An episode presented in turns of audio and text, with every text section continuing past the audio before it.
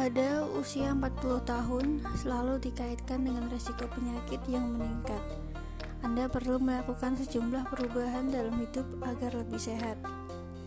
Beberapa ahli diet bahkan menyarankan untuk tak mengonsumsi makanan tertentu ketika menginjak usia 40 tahun.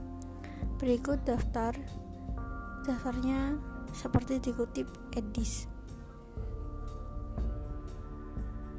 Berikut ini adalah empat makanan minuman yang harus dihindari saat usia sudah mencapai 40 tahun.